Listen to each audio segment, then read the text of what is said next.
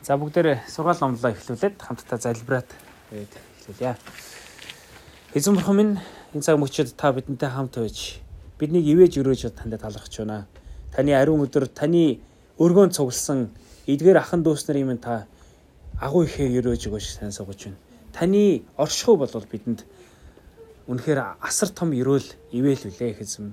Та бидэнтэй хамт байж өөрийн царай, өөрийн хайр инэрлээ бидэнд харуулаач гэж сайн суугаж байна. Эзэн бурхан минь таны үгийг сонсох үед таны ариун сүнс бидний дотор оршиж бидний өчүүхэн ойлгох, үл ойлгох тэр зүйлсүүдийг маань та их эзэм бидэнд ойлгодож өгөхөөр бас ялах салах чадварыг бидэнд дүүрэн болгож өгөөч гэж санасгаж байна.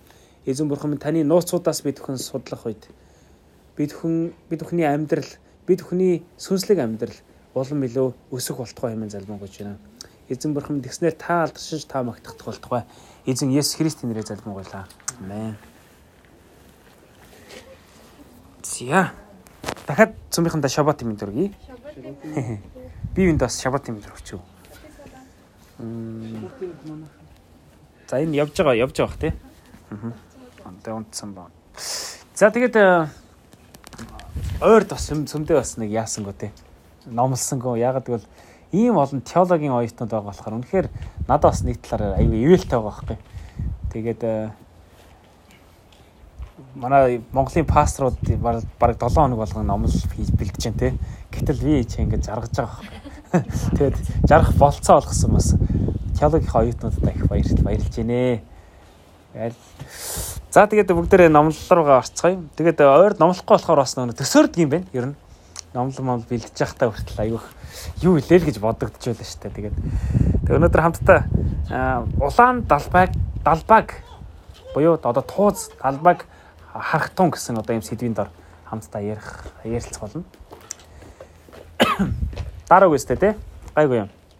Сайхан бомбардалтаа суучвал даарахгүй байх гэж бодсон те. Аа нэгэн түүхээр эхлэе гэж бодож байна. Аа нэгэн баян аав хүүдээ ядуу хүмүүсийн амьдралыг нэг үзүүлье гэдэг а нэг ядуу тийм тосгон руу нэг ядуу айлд очиж 7 хоног амьдэрсэн байгаа. Энэ түүхийг баг баг бүгдээрээ сонссон байх гэж бодож байна. Гэтэ би дахин нэг сануулж өгье. Тэгээд 7 хоног дуусаад аав нь хүүгээсээ ямар байсныг нь асууж байгаа. За миний хүү ямар байсан? Гэсэн чи хүн ёстой сайхан байлаа аваа гэж хариулж. Тэгээ юу сурвдаа миний хөө гэсэн чинь ийм юм сурлаа аваа. Бидэнд нэг нохоо байхад тэдэрт дөрөв нохоо байна. Тэ бидэнд бид цэцэрлэгт одоо юу цэцэрлэгтэй усан сантай байхад тэд бүр нууртай байд юм байна. Бид хажуудаа бид дэлгүүр дэлгүүрээс хүнсний ногоогоо авдаг бол тэд нар бүр хажуудаа тариалж өөрсдөө авч иддэг, хурааж иддэг юм байна. Хүснээр авд юм байна. Тэгээд бидний талбай хашаагаар хэмжигддэг бол тэднийх өргөн удам талтай юм байна. Бид зарцтай бол тэд бие биедээ үйлчлдэг юм байна биднийг хамгаалдаг хан дунд бид амьдрдаг бол тэд өөрсдийг нь хамгаалдаг найз нөхдөр хүрээлүүлсэн байна. Бидний ямар ядуу амьдрдаг байсныг ойлгуулж өгсөн танд баярлалаа аваа гэж хэлсэн гэдэг. Тэгээд э, үнэхээр хүү бол амьдралын хамгийн чухал зүйлээ бас эндээс ойлгосон болов. Тэгэхээр энэ энэ муу энэ түүх маань хүн хүний одоо ертөнцийг харах өнцөг тий а болвол аль аль болох ядуу амьдралыг үзүүлчихье гэж бодсон боловч хүү тэндээс шал өөр өнцгөр те тис ондоо өнцгөр болвол ертөнцийг харсан байгаа. Аавын харж чадаагүй тэр гайхамшигтай одоо өнцөг өнцгийг бол олж харж чадсан баг. Тэгээд хүний харах өнцөг амьдралын үнц нь өөр өөр байдгийг бол энэ түүх харуулж байгаа юм тийм ээ. Тэгээ өнөөдөр бидний амьдралын эцсийн цаг үед амьдарч байгаа гэж бид маш их ярьдаг шүү дээ. Тэгээд бидний бид нар ер нь альва зүйлд хандах хандлага, харах өнцөг үн цэн маань ер нь ямар шүү байдгийн болоо хаана явж байна гэдэг талаар бас энэ дахин одоо нэг бодох юм сургаал номлол байгаа. Тэгээ та бүхэн маань бас бодоод бодоод яваарай гэж хүсэж байна. Даар даарч байгаас болоод яач фүдэ. Оюун хочин TTT-г хамаагүй өнөө эд эс рүүгээ явчихыг гэж санаа зовж байна. Дайл болох та бүхнийг бас дулаахан байгаас байлгаж өгөөч гэж бурхнаас би дотроо гуй. Тэгээд хідэн үзэж байна. Сумынхандаа бас бас дахин баярлаа хамт байгаад баярлаа гэж хэлмээр байна. Тэгээ бүгдэнд нь шабат юм төргий. Аа Тэгээд үе үе хүсэл ном дээр бол би нөө өнөөдөр ноутбук дээр аяг их бэлтгэсэн байсан учраас зургийн дараад номооч барьж ирч чадсангүй те нуурлуу гарах гэж. Тийм учраас би зургийн дарсан байгаа одоо ингээд бас баах юм болох баха. За үеийн өгсөн номын ном дээр бол Эл Нойт ингэж ийх өгүүлсэн байна л та. За энэ ч одоо ягаад миний танигдахгүй сэдв болоод явчихваа. iPad авъя авъя. Баярлаа. Өнөөдөр зулаа айгу гой гой үг хэлээд наваа надад айгу баярлалаа байгаа. iPad вирусаа хизээч хэлж байгаагүй гэхдээ дотор айгу хүсчихсэн. Гэхдээ зулаа бас бурхан бас тэ зулаагаар дамжуулж асан. Ивэл хайрлах гэж ах шиг байна. Тэгээ залбирий да одоо. iPad-тай болох юм шиг байна шүү манайхаа. Эл нөт ингэсэн байна. Үеийн өсөл номын 545 дахь хуудсан дээр газар дэлхийн бүх юм сандарч мигдэж эхэлжээ цагийн байдал цөвөн. Ирж буй үйл явдлын сүдэр бидэн дээр тусаж байна. Бурхны сүнс газар дэлхийгээс холдон хөндөрч гай зовлон далай тэнгис болоод хөөрэ газар дээр шиш хилээ даран буун ирэх болвоо. Их газар дээр хүчтэй шуурх шуурч, газар хөдөлж, төмөр гарч, уяр бууж, аллах таллах, харгас үйлдэл ихснэ. Ирээдүг хэн урдчлан харж чадах вүлээ? Аюулгүй байдлыг хаанаас олох вэ? Өнөөдөр хүн болон дэлхий дээр байгаа юунд ч итгэх боломж алгаа. Хүмүүс өөрсдийн сонгосон туг дор жагсан зогсохоор яарч байна. Тэд өдөртөгчдийн хаан үйлдэл бүхнийг сэтгэл төгшин ажилласаар хүлээсээр байна. Эзнийгээ ирэхэд хүлээж авахар бэлтгэж хичээн зүтгэж буй хүмүүс ч байна.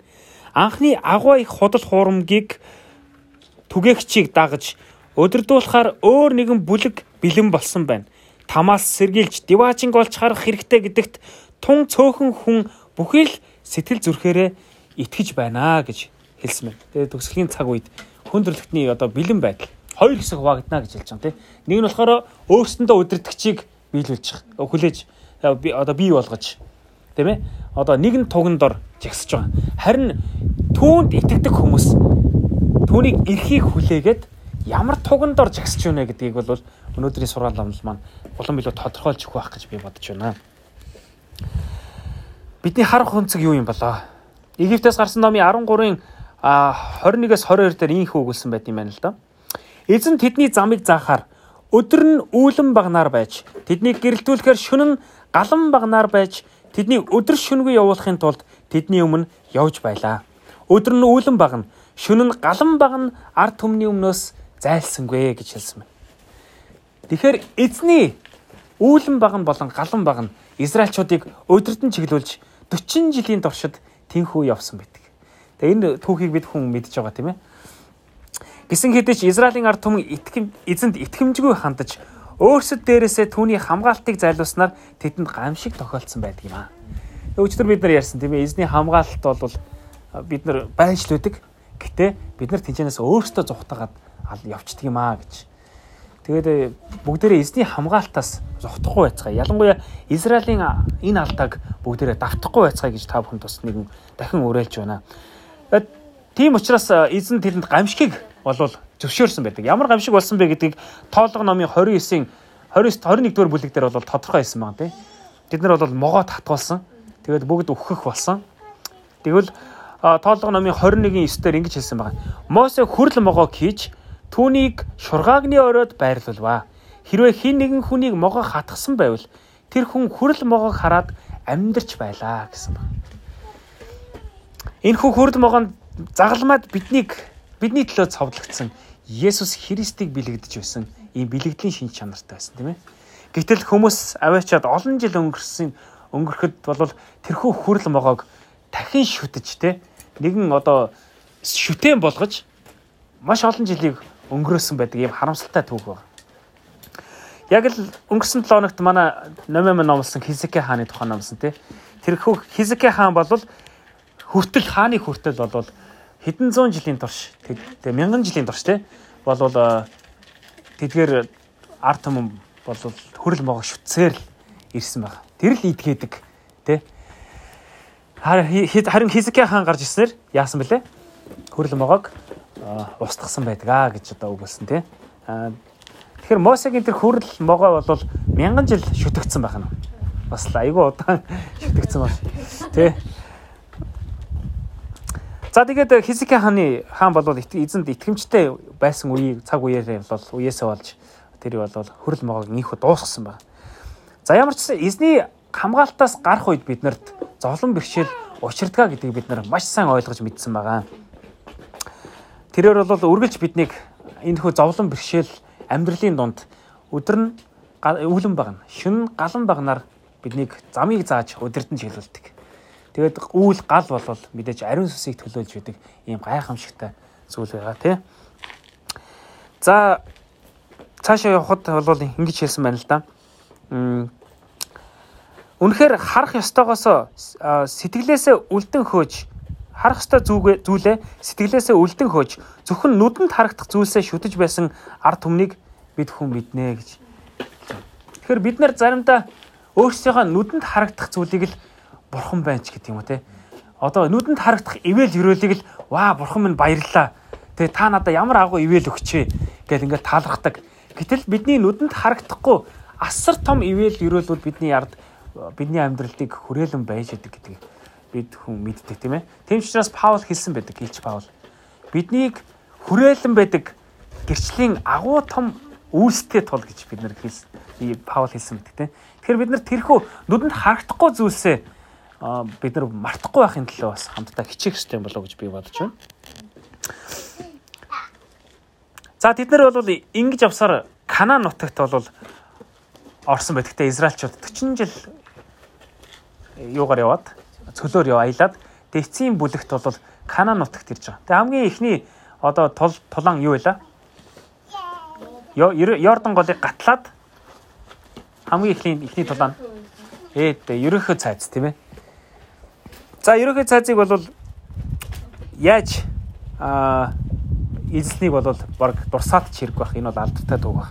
Гэтэ эзэн ингэж хэлсэн байна. Йошуа номын 6-гийн 2-оос 5 дээр эзэн Йошуад хар би ерөнхөг хаантай хийгээд эрлэхэг дайчтай хамт чиний гарт өгч байна. Та нар буюу бүх цэрэг эрс хотыг нэг удаа тойрон алхаа. Түүнийг 6 хоног хий. Мөн 7 дахиад хуцсын иврээр хийсэн 7 бүрэг авдрын өмнө авч явах ёстой. Долоот хөдөр нь та нар хотыг 7 удаа тойрч тахилч нар бүрээг үлээхтэн. Тэд хуцын иврийг хуртаар хөнгөнүүлэхэд та нар бүрээний дууг сонсохдоо бүх хүмүүс маш чангаар хашгиралдах ёстой. Хотын хан доошо нуран унаж хөмбөр чигээрээ дайрах тун гэж хэлсэн байна. Тэгэхээр мэдээж энэ түүх бол ингээл яг л ёсчлон биелсэн тийм ээ. Хашгирахад ерөөхөө цайз нав сонсон гэж зүйл. Тэгэд үүн дээрээс бол э, дайнд оролцдог Израильчууд бол дайнд оролцдог тийм мөнгөн бүрээ гэж байдаг байсан юм байна л да. гэж үлддэг тий. Яаж дуурдаг байсан юм мэдэхгүй тий. Гэхдээ бурхан энэ удаад мөнгөн бүрээ биш аа ямар бүрээ үлээ гэж байна. Хуцын эвэр бүрээг үлээ гэж. Энэ хуцын эвэр бүлээг ямар бүрээг ямар үед үлээдэг байсан юм бэ? бид нар Левит номыг унших юм бол хуцын эвэр бүрээг юбилей буюу инэрлийн монголоор гэж орчуулдаг. Өнөө юу лээ? Тэг нэгүслийн жил. Тий. Тэгээ 7 дахь жилд үлээдэг байсан байгаа байхгүй. Тэгээд хамгийн сүүл 70 70 дахь жилдээ яадаг байхан бас үлээдэг тий. Ийм одоо юу гэдэг боолчдыг чөлөөлөх үед тий боолчлоос чөлөөлөх үед үлээдэг ийм инэрлийн жил үлээдэг ийм одоо бүр байсан баг. Яагаад ерөөхийг цаазыг ингэж явахдаа тэр бүрийг үлээсэн аюу сонирхолтой тий. За тэгвэл бүгдээрээ цаашаа энэ түүхийг бас судлаа л да. 7 хоног цайзыг тойрохдоо ард түмэн нэг л зүйлийг маш сайн тогтоох хэрэгтэй байсан гэж хэлж байна. Юуг тогтоох хэрэгтэй байсан юм бэ? Тэр нь хоёр тагнуулыг нуусан Рахабын гэр буюу улаан өнгийн давуу үлгсэн цонхыг харах хэрэгтэй байв. Бүгдээ төсөөлье. Цайзыг 7 хоног тойрох болгондоо нэг цонхыг л бүгд ард түмэн бүгд харах хэрэгтэй байсан. Тэр нь тий. Тэр нэг хараад байсан. Нэг л цонх ганцаархна улаан давуу бол уйсан байсан. Тий. Энэ нь яг л Израильчуудыг анх Египтээс гаргах үед 10 гамшигт 10 дахь гамшиг дээр болсон зүйлтэй яг төстэй. Хүн болгон тэгээ тотхон дээрээ улаан цус төрхөж тэр айлаас бол ууган хүү аврагдчихсантай адилхан. Рахабын герт ч гэсэн улаан давуугаар бол аврал ирнэ гэдгийг бол илэрхийлж байсан баг. Бурхан түүнд амласан. Энэ бол хоёр тагнуулын амлалт бол биш. Энэ бол Рахабыг Бурхны ард түмний талд орсон учраас түүнд авралыг түүний гэр бүлд аврал өрөөлийг хайрлах ийм бэлэгдлийг бол амлалтыг бол Бурхан өгсөн учраас өөрийнхөө ард түмнийг түмэнд зөвхөн тэр гэр бүлийн төлөө тэ 7 хоног тойруулах ийм одоо өөрийг өгсөн байна. Тэгээд хэрвээ тэрийг тэмдэглэж мдэггүйсэн бол ард бүх ард түмэн тэр улаан юуг давыг хараагүйсэн бол тийм ээ улаан туузыг хараагүйсэн бол магадгүй дайн дажин болол орд цөмнө орохдоо баг бүгдийг рахабигч танилгүй гэр бүлийнхний ч гэсэн бүгдийг аалчих боломжтой байсан. Гэхдээ 7 хоног бурхан тойруулахдаа тэрийг тэднийг нүдлүүлж ирсэн байгаа хэрэг. Энэ гэрийг 50 өрхөө. Ягаад гэвэл би энэ гэр бүлийг өөрийнхөө цусаар аварч байна гэж. Амлалтаар би аварч байна гэж. Ийхүү сануулсан ба. нөгөө төгөр энхүү улаан давуу нь бурхан Израильчуудад энэ газрыг амлалт болгон өгсөн гэдгийг гэдгийг ч гэсэн тэмдэг болж байсан гэж. Би Канаан нутгийг та нарт эзэмшил болгон өгч байна гэдэг ийм тэмдэг.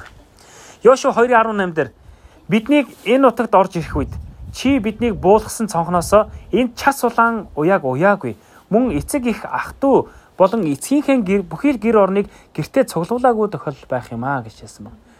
Тэгэхээр яг л энэ бол Христийн цусыг бэлэгдэжсэн ийм улаан туг байсан тий. Тикао хэмээх еврей үг нь улаан туузыг илэрхийлэх бөгөөд цаад утх нь итгэлтэй байх, баттай байх гэсэн утгыг бас агуулд юм байна л да. Тикао гэж.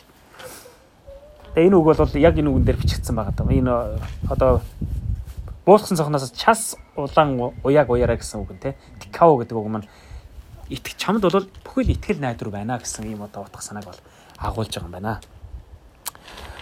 Аа бид нар сайн мэдж байгаа. Египтээс гарахад 10 дахь юу болсон те? 10 дахь гамшиг болсон. Тэгэхэд фараон фараон бол явуулсан дээ те. Яг тэр үед бол сонин зүйл нь юу гэхээр Йошуагийн Йошуа 40 настай байсан гэж хэлж байгаа. Йошуа 40 настай. Тэгээд Йошуаг бол нуны хүү Йошуа гэж нэрлэдэг те. Тэгэхээр Йошуа болвол ууган хүү гэж таарсан багтах. Тэгэхээр бурхан Йошуаг тэр өхлөөс аварсан ийм гайхамшигтай үйл явдлаас. Яг тэр одоо зүйлийг бол Йошуа өөрөө авралын баяр хөөргийг тэр улаан цусаар болвол аврагдсан гэдгээ мэдчихсэн учраас тэр нэг туршлагыг өөрөө авсан учраас тэрээр бол Рахабын гэр бүлийг баяр хөөртэйгээр аврах ажилд бол оролцсон баг. Бурхан тэгэхээр бүхэл бүтэн улс гүрнээр зөвхөн нэг гэр бүлийг ч гэсэн аврах, зөвхөн нэг хүнийг ч гэсэн аврах ийм чадaltaа гэдгийг бас бид нар энэ чинээс олж харж болох нь тийм үү? Йошуа болвол тэгээд 40 жил а Египтэд амьдраад а дараа нь 40 жил хэний Мосегийн удирдлагын дор тэгээ цөлд амьдраад дараа нь 30 жил болвол Израилийг Канаан нутагт болвол дайтахад удирдсан байдаг. Нийтдээ 120 жил өнөө 110 жил. А 110 жил. 101 жил гэ. Би тоондоо их мууш манайх. Тэгээ 110 жил бол наслаад одоо явсан байдаг ийм хүн байх нэ өдөрдөгч байх. Үн өгсөн номын 485-ын 3 дээр бол ингэж хэлсэн байна л да. За би дахиад юугаа авах хэрэгтэй вэ? 485-ын 3. Тэ. А 411 дээр хуудсан дээр байна. Сүлд Мосе могоог өргөсөн шиг хүний хүч мөн өргөх ёстой ажээ. Израильчуудын харц эдгэрлийн бэлэгдэл болох өргөгдсөн могоо руу хандаж байсан шиг бүхний харц одоо дороотож буй ертөнцид аврал авчирсан Христ рүү хандах ёстой байлаа гэсэн. Бидний туг болвол бидний харах ёстой, ширтэн харах ёстой тэр одоо туг, улаан туг болвол залмаа дээр цовдлогдсон Есүс Христ юм аа. Бид бүхэн өнөөдөр магадгүй амьдрал маань тий 9 шидийн одоо манай хөрхөн бомбардаас сууч цогтооч гэсэн баг тийш сууч юм шиг. Үнэхээр амьдрал маань ямар ч байж болно те. Энэ дэлхий дээр бид нар хүмүүс амьдралыг өөр өөр өнцгөр харж яж болно. Гэтэ бидний харах өнцөг бол харах зөвхөн хараагаа чиглүүлэх нэг л зүйл ба. Тэр бол Есүс Христийн загалмай. Тэр л бидэнд авралыг өгч итгэгч хүн бүрийг өнөөдөр амьдрал амин амьдралтай мөнх амьтай болгож чадж байгаа юм аа. Түүний ивэл юрэл үргэлж тасрахгүйгээр бидэн дээр бууж байдаг юм а гэдгийг бол хэлж байгаа. Загалмаа бол бурхан хүн төрлөختний төлөө өөрийн хайр инэрлээ үзүүлсэн тэрхүү улаан далбай туг тийм ээ тууз юм а гэдгийг бол та бүхэнд одоо хэлмээр байна. Тэгээ үеийн өгсөн номын 679 дээр ингэж хэлсэн байна л да. За сүүлийнх шүү манайхаа. 679 дээр ингэж хэлсэн байна. Христ дагалдагч нарын төлөө тэдний гуйх юм уу хүсч байснаас илүү ихийг хийх чадвартай байгаадаа баяртай байлаа. Ертөнц үүсгээс өмнө агуу их тушаал өгцөн гэдгийг мэдэж байсан болохоор тэрээр итгэлтэйгээр ярьж байлаа. Ариун сүнсний бүх бүхнийг ялагч хүчээр зэвсгэлсэн үнэн бузар муугийн үндсийг таслах тэмцэлд ялалт байгуулж түүний цусаар будагдсан ялалтын туг шав нарийнхан дээгүр сүрлэгээр намирна гэдгийг тэрээр мэдэж байлаа энэ дэлхийд харагдахгүй боловч агуу их ирээдүйд хүлээн зөвшөөрөгдөх ялалтын тасралтгүй цуваг эхлүүлэгч үнэт шав нарийнх нь амьдрал түүнийхтэй адилхан байх болно гэдгийг тэр мэдэж байлаа гэж хэлсэн байна. Өнөөдөр энэ ч сууж байгаа хүн бүхэн нэгэн туг нэгэн далбаанд ор жагсан байна. Яг л бид нар цэргүүд тийм ээ нэг л далбаанд ор зогсдог шиг хүмүүс магадгүй өөрсдөндөө өдөртөгч нар тэгээ өөрсдөндөө багш нарыг бий болгож тэдний араас явж байгаа боловч Харин биднэрт бол цор ганц туг, тугийн дор, цор ганц багшийн дор тэмээ жагсах ийм гайхамшигтай цаг мөч ирж байна. Тэгээд бид хүн эцсийн цаг мөчид түүний үлсийг гүйцэлдүүлэх бүрэн боломжтой гэдгийг бол Есүс бидэнд хэлсэн байна, тийм ээ. Есүс хэлсэн байдаг. Та нар бол надаас илүү ажлуудыг хийх болно гэж хэлсэн. Тэгээ өнөөдөр энэ ч сууж байгаа хүн бүхэн зүгээр нэг хідэн оюутнууд те ялахгүй юм шиг харагдаж байгаа боловч энэ нийгэмд шалахгүй юм шиг харагдаж байгаа боловч та бүхэн болвол амьдралыг энэ амьдралыг үнэхээр өөрчилж чадах гайхамшигтай удирдгч нар сүнслэг лидерүүд гэж би одоо тодорхойлж хэлмээр байна. Яагаад гэвэл бурхан та бүхнийг өөрийнхөө тугийн дор энэ газар намирах тугийг харуулсан бэлээ гэж хэлмээр байна. За тэгээд бид өнөөдөр ч гэсэн үнэн худлын тэмцэлд ор амьдарч байна. Бидний амьдрал дайн тулаан дунд өрнөн амьдрсаар л байна тийм ээ. Сүнслэг дайн тулаан шүү дээ. Хэрвээ улаан далбайгаа өргөн харж чадахгүй бол энэ тэмцэлд амархан сулдаж бид хүн бууж өгөх болно. Маш олон хүмүүс улаан далбаанд ор цуглаж байжгаад тэсвэр хатуужлахгүйгээсээ болоод бууж өгөх хүмүүс маш олон байна. Гэхдээ бид хүн Бурхны цэргүүд гэж хэлсэн тийм. Бид хүн унс нэгний хамтдаа босгож шархсан нэгнийгээ үүрэтж болох болтгой хамт энэ сүнслэг тулаанд Есүсийн нэрээр орж дайтах ийм цаг мөч юм а гэж та бүхнийгээс уриалмаар байна. Хэрвээ ядарч байгаа бол хажууд чинь түшиг ах ихчнэр байна. Найз нөхд байна. Христийн дотор бид хүн нэг гэр бүл юм а гэдгийг та бүхэн дахин нэг сануулахыг хүсэж байна. Цайзын гадна тал эргэн тойронд тойронд дээр нь харж болох зөндөө олон зүйл байгаа ч ард түмэн улаан туузыг л харж тойрж байсан ба Тэр нь өөрсдөд нь төдийгүй тэнд буй нэгэн гэр бүлийг бүлд авралыг амлсан Бурхны амлалт гэдгийг сануулах учиртай байсан тул тэр зөвхөн улаан туузыг л ширтэн харж байсан шиг өнөөдөр бид ч гэсэн калварын загалмайд загалмайд бидний төлөө гим нүглийн төлөөг бидний бидний төлөө гим нүглийг үүрч биднийг мөнх хамтаа болохын тулд өөрийгөө өгсөн Христ Есүсийг хамтдаа ширтэн харцгаая. Тэр бол бидний улаан далбай байлээ. Түүнийг ширтэн харах юм бол бид амлагдсан Тэнгэрийн Канаан руу орох цаг нь орох нь цаг хугацааны л асуудал билээ. Нүдэ дэлхийн зүйлс рүү бас бүгдээ хамтдаа Есүс Христ болох тэр улаан туг руу хамтдаа чиглүүлцгээе гэж та бүхнийг уриалмаар байна. Эх 7 өдрийн турш бүгдээрээ өөр дэлхийн ямар нэгэн сайхан зүйлс биш. Зөвхөн тэр улаан туузыг харж амьдарцгаая. Тэр улаан тууз бол бидний аврагчсан Есүс Христ үлээ. Тэгээд түүний амар тайван инэрл хайр ерөөлн та бүхний дээр бэлхам дүүрэн байх болтгоо гэж хөрөөгөл сурал номлоо дуусгая. А хамтдаа нэг магтаал магтцгаая тийм.